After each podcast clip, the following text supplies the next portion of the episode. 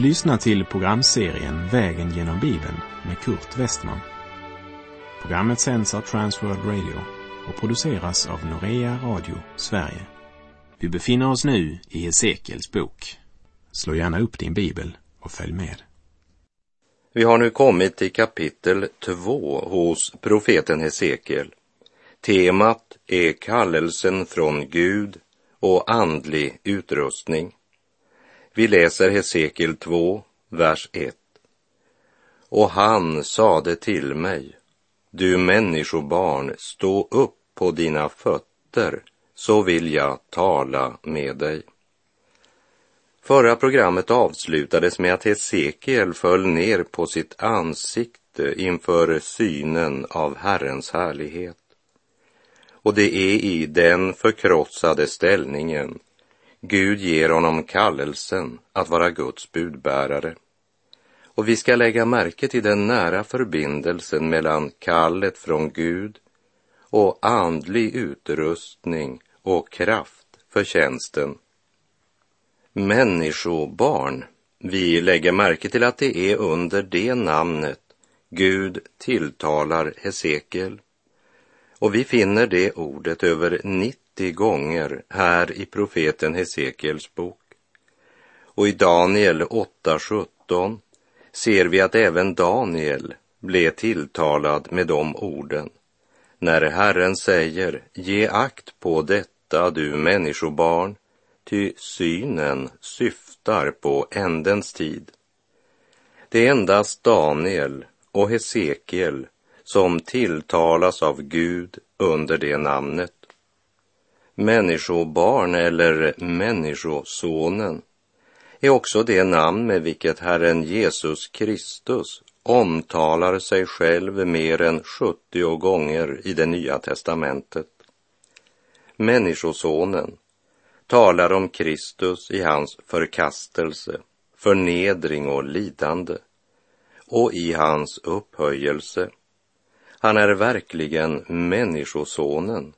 Han är sann människa, dock utan synd. Hesekiel gick igenom mycket lidande. Det gjorde ju även Daniel och profeten Jeremia. Men Hesekiel är nog den som hade det tyngsta kallet av dem alla. Hesekiels uppgift var att gå till ett folk som trodde om sig själva att de var Guds folk, fast de i verkligheten hade förkastat sin Gud. Och Guds ande utrustar honom för denna mycket svåra tjänst. Vi läser Hesekiel 2, vers 2. När han så talade till mig kom anden in i mig och reste upp mig på mina fötter och jag hörde honom tala till mig. Guds ande utrustar Hesekiel för den uppgift han blivit kallad att utföra och ger honom den styrka och kraft han behöver. Den som Gud kallar att utföra en gärning ger han också kraft att utföra det han kallats till om han bara förblir i ljuset. Ja, Guds kallelse kan endast utföras genom Guds andes kraft. Därför är det viktigt att du inser att du inte kan utföra din tjänst i egen kraft, utan inser att du behöver kraft ifrån höjden till att vara Herren Jesu vittne. För varje kristen, alla Guds barn, är kallade att vittna om Herren Jesus. Jesus sa aldrig, jag sänder dig att vara teolog. Inte heller sa han, jag sänder dig att hålla föredrag om kristendomen. Han gav oss kallelsen att vittna om en person, nämligen Jesus Kristus, den utlovade Messias, Guds son. Mose insåg efter 40 år i Midjans öken att han inte kunde befria Israels barn ur träldomen. Men Gud sa till honom, jag ska göra det genom dig. Gud kallade Mose att befria sitt folk och det gjorde han. Inte därför att Mose var så speciell, men därför att Gud gjorde det genom Mose. Det var Guds verk och Mose gick på Guds order utrustad av Gud. Dessa sanningar är högaktuella idag. För det är den principen som gäller för präster och pastorer. Och samma princip gäller för alla i församlingslokalen. Och detsamma gäller evangeliseringsarbete och missionsfältet. En Herrens tjänare som nu är hemma hos Herren berättade en gång följande. Ett ungt par kom till mig och sa att Gud hade kallat dem att resa ut på missionsmarken. Jag hade många samtal med dem och ställde många frågor eftersom jag tvivlade på att de verkligen var kallade av Gud. Men jag kunde ju inte vara säker på att det var så. Och jag ville ju inte alls stå i vägen om det nu var så.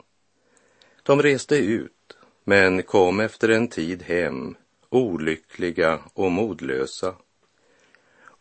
Och när jag samtalade med dem så märktes tydligt att de var bittra på Gud som de tyckte hade svikit dem. De hade ju varit villiga att resa ut, villiga att offra sig. Ändå hade Gud inte tagit dem i sin tjänst och välsignat dem.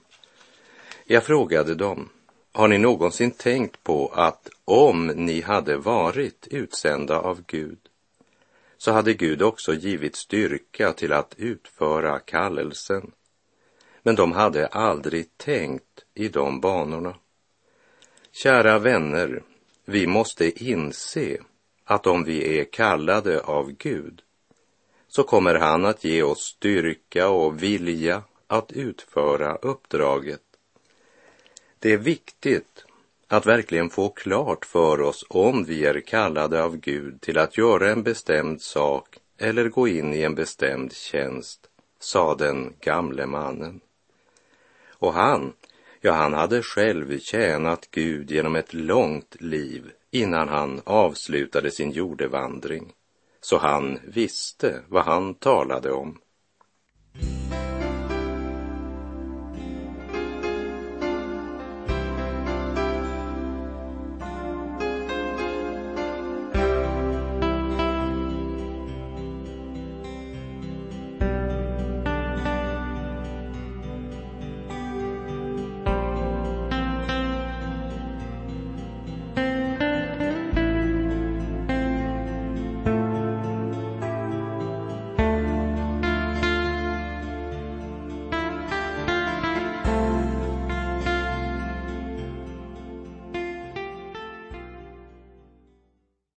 Även om många av Herrens tjänare hade en tung och svår uppgift, som till exempel Jeremia eller Daniel, så fick Hesekiel en tyngre och mer krävande uppgift än någon jag läser om i skriften.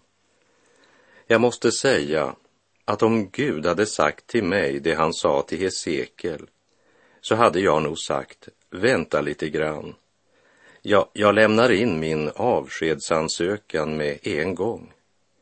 Jag tror inte att jag lämnar mitt jobb på marknadsavdelningen utan försöker heller göra mitt bästa där jag är och försöker avancera så gott jag kan och få ännu bättre betalt. Jag är så tacksam att Gud inte sa detsamma till mig som han sa till Hesekiel. För jag är både feg svag och ganska egoistisk. Jag beundrar Hesekiel. Lägg märke till vad Gud säger till honom angående hans uppgift. Verserna 3 till och med 5 i Hesekiel 2. Han sade, du människobarn, jag sänder dig till Israels barn, de avfälliga folken, som har gjort uppror mot mig. De och deras fäder har syndat mot mig ända till denna dag. Till barnen med fräck uppsyn och med hårda hjärtan sänder jag dig, och du ska säga till dem, så säger Herren, Herren. vare sig de lyssnar eller inte. Ty det är ett upproriskt släkte. Skall de ändå inse att en profet har varit ibland dem? I en annan översättning står det, jag sänder dig till Israels barn, de avfälliga hedningarna som gjort uppror mot mig.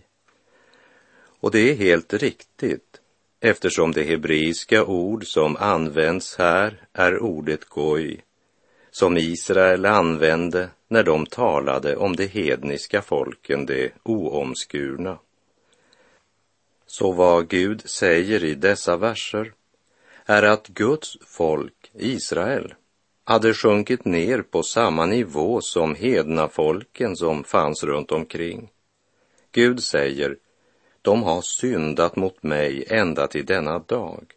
De har fräck uppsyn och hårda hjärtan. Det är till dem Gud kallar Hesekiel att tala. Och de människor som är svårast att nå med evangeliet idag är församlingsmedlemmar. Dessa som är i kyrka eller församlingslokal, men som har förkastat evangeliet, förkastat Guds ord. Trots att de tillhör församlingen är de i verkligheten emot Gud. De menar att det att vara en kristen, det är att vara snälla små pojkar och flickor. De leker församling och det tycker de är en trevlig lek. De försöker vara snälla och lever ett ytligt liv som är ganska slött och komfortabelt. De vill inte att någon ska komma och säga att de är förlorade syndare som behöver omvända sig och börja lyda Guds heliga vilja. De är mycket svåra att nå och mitt hjärta blöder för alla församlingsföreståndare som har denna uppgift idag. Och till alla som tror att de har kallelsen att gå in i den uppgiften skulle jag säga, se till att du verkligen är helt säker på att det är Gud som kallar dig till detta. För den som inte är säker på det borde hellre sälja försäkringar eller öppna hamburgerbar. För att vara i församlingstjänst är inte lätt om du predikar Guds ord och inte kompromissar med Guds heliga sanningar. För avfallet är stort i vår tid, även om väldigt många tyvärr verkar vara helt ovetande om vad som sker i den andliga världen. Gud är alltid densamma och hans syn på synd är oförändrad. Men när saltet mister sin sälta så suddas syndabegreppet ut så att ingen känner längre någon oro i samvetet för något alls. Det har blivit viktigare vad andra säger och menar än vad Guds ord säger. Man är egensinniga och högmodiga och älskar njutning och bekvämlighet istället för Gud. Det är som det står i Titus brevs tredje kapitel, att de har ett sken av Guds fruktan, men förnekar dess kraft. Och då är det inte kraften till att göra under de förnekar, för sensationer vill man gärna ha. Men här talas det om sådana som gärna vill utmärka sig som andliga kraftbärare, men de är inte intresserade av kraften att leva ett gudfruktigt, heligt liv när det inte finns andra människor som ser dem. Religiöst aktiva, imponerande och storordiga, men de söker inte den kraft som leder till lydnad för Guds bud i ensamheten. Religiöst aktiva men gudsfrånvända de har förkastat Guds ord och det är till sådana Hesekiel får uppdraget att predika. Men Gud säger att vare sig de lyssnar eller inte lyssnar så ska de erfara att en profet har varit ibland dem. Och här ska vi speciellt lägga märke till tidsformen, har varit. de förstår det inte medan Hesekiel utövar sin verksamhet. De låter sig inte varnas. De vill inte vända om till Gud. De vill inte överge sitt lättsinniga liv i njutningar och själviskt frosseri. Men Guds ord ska förkunnas vare sig människan vill lyssna eller inte. Den som tror och lyder blir frälst, medan den som förkastar budskapet räddningslöst går in i den eviga nattens mörker. Den som har hört ordet men förkastat det bär själv ansvaret och är utan ursäkt. Men Gud säger alltså att Hesekiel ska ha klart för sig att vad utfallet än blir av hans verksamhet så ska folket en dag måste inse att det var en sann profet som varit ibland dem. Men vägen till livet är smal, porten är trång och de allra flesta ska inte inse det förrän det är för sent. Alltså när frälsningens möjlighet har varit. Stryk ett tjockt streck under de två orden i vers 5, har varit. Det vill säga, då är det för sent. Och att det kunde bli för sent, det visste även profeten Jesaja. Därför ropar han i Jesaja 55, vers 6. Sök Herren medan han låter sig finnas. Åkalla honom medan han är nära. Och meditera lite grann över denna möjlighet. Antingen blir Guds ord för mig till frälsning, eller så förkastar jag Guds ord och inser inte olyckan förrän det är för sent. Det är ett upproriskt släkte, men vare sig de lyssnar eller inte skall de ändå inse att en profet har varit ibland dem. Det säger Guds ord. Det var inga ljusa tider eller lättköpta framgångar som väntade på Hesekiel, utan stora faror, motstånd och hat. Vi läser Hesekiel kapitel 2, vers 6. Och du människobarn, frukta inte för dem Frukta inte för deras ord, fastän du omges av tistlar och törnen och bor bland skorpioner. Frukta inte för deras ord och förfäras inte för dem, ty det är ett motsträvigt släkte. Många faror väntade, men Herren uppmanar sin tjänare att inte frukta farorna och inte låta sig förfäras av motståndarna. Gud utlovar inte guld och gröna skogar utan säger rakt ut att Hesekiel är kallad att tala till ett folk med hårda hjärtan. Gud sänder sin tjänare som ett får bland vargar. Men som någon så klart uttryckte det i en dikt. Den är ej beklagansvärd, som stupat vid sin stav, blott den som hörde ropet men aldrig gav sig av.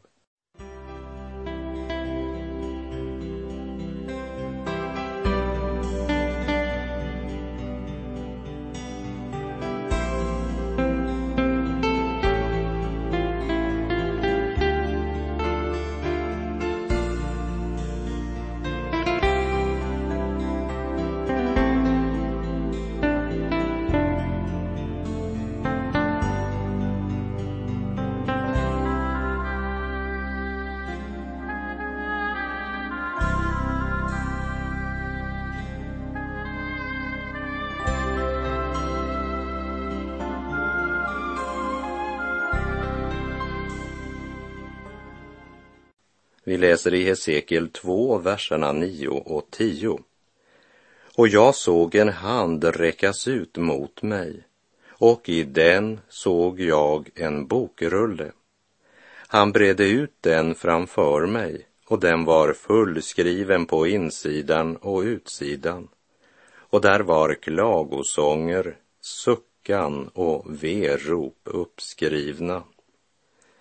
Synden leder alltid till sorg förr eller senare. Och Gud ger Hesekiel en inblick i det budskap han kommer att måste predika för sitt folk. Det är mer än tungt, fullt av suck och verop. Och här ska vi ha klart för oss sammanhanget mellan Hesekiel 2, verserna 9 och 10 och det vi snart ska läsa i Hesekiel 3, vers 1. I kapitel 3 kommer vi att läsa om hur profeten förbereds för sin krävande uppgift. En tung och svår kallelse i en avfallstid präglad av religiösa aktiviteter och synd blandade om varandra till en enda stor grå andlig dimma. Jeremia var en helt annan persontyp än Hesekiel. Jeremia var det brustna hjärtats profet, vars tårar rann för sitt folk som levde i avfall från Gud. För vid den tiden behövde Gud en sån tjänare för att förkunna för folket att det krossade Guds hjärta, att han blev tvungen att sända dem bort i fångenskap eftersom de inte ville omvända sig. Men nu befinner sig folket redan i fångenskap och de är bittra, hårdhjärtade och motsträviga. Templet är ännu inte bränt ner och Jerusalem ännu inte ödelagt. För det skedde inte förrän sju år efter att den här gruppen anlänt till Babylon. Därför proklamerade de falska profeterna fortfarande med frimodighet att de var Guds folk och han skulle snart föra dem tillbaka till Juda och Jerusalem. Gud hade redan genom profeten Jeremia tidigare uttalat följande dom över Jerusalems profeter. Jag citerar Jeremia 23, 14. Hos Jerusalems profeter har jag sett förskräckliga ting. De begår äktenskapsbrott och ljuger. Det uppmuntrar dem som gör ont så att ingen ska omvända sig från sin ondska. Och även i Babylons fångenskap så fortsatte de falska profeterna att trösta folk utan sann omvändelse och bättring. Vi är Guds folk. Gud kommer snart att föra oss tillbaka till Jerusalem, sa man. Därför får Hesekiel uppleva att Israels barn säger till honom, Vem tror du att du är, du som predikar så dömande? Vi är Guds folk och vi ska snart återvända till vårt land. Men Gud hade sagt till Hesekiel att han skulle förkunna för Israels barn och säga, ni kommer inte att få återvända de ska vara i fångenskap i Babylon i 70 år, precis som Jeremia hade förkunnat. De kommer att förbli i Babylon 70 år och de kommer att tvingas till tungt slavarbete längs Babels älvar och vattenkanaler. Deras sång kommer att tystna och de kommer att sitta gråtande vid Babels vattenkanaler. Men ett så obehagligt budskap ville de inte lyssna till. Man vill inte se sanningen i ögonen utan väljer istället att ivrigt arbeta med att fläta det rep som sedan ska läggas omkring deras egen hals. Och då, när det är för sent, ska de förstå att det hade varit en profet ibland dem. Det är fruktansvärda förhållanden som nu väntar på det folk som inte vill höra Herrens ord och inte vill lyssna till Herrens profet. I Hesekiel 3, vers 1 står det. Han sade till mig, du människobarn, ät vad du ser framför dig. Ät upp denna rulle och gå och tala till Israels hus. Och med det så är vår tid ute för den här gången. Herren vare med dig.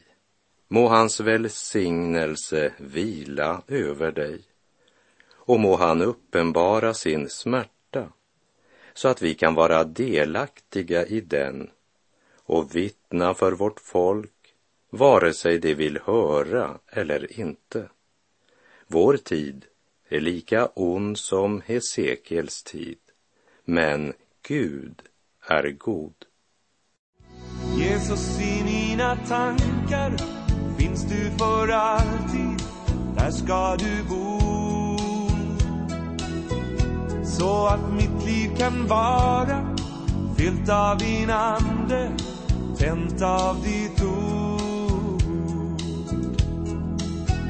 Finns en nåd som räcker till, det finns en tro som skapar liv.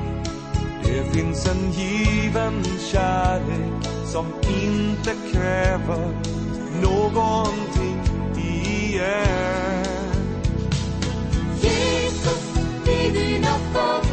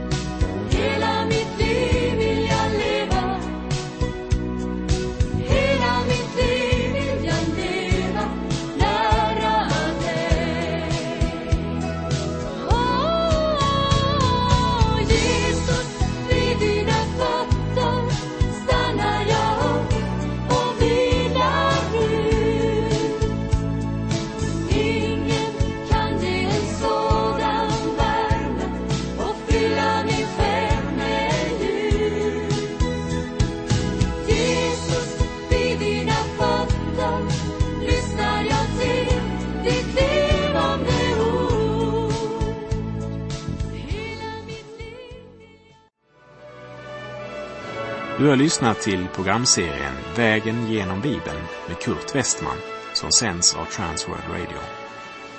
Programserien är producerad av Norea Radio Sverige. Om du önskar mer information om vårt radiomissionsarbete så skriv till Norea Radio Sverige, box 3419 103 68 Stockholm.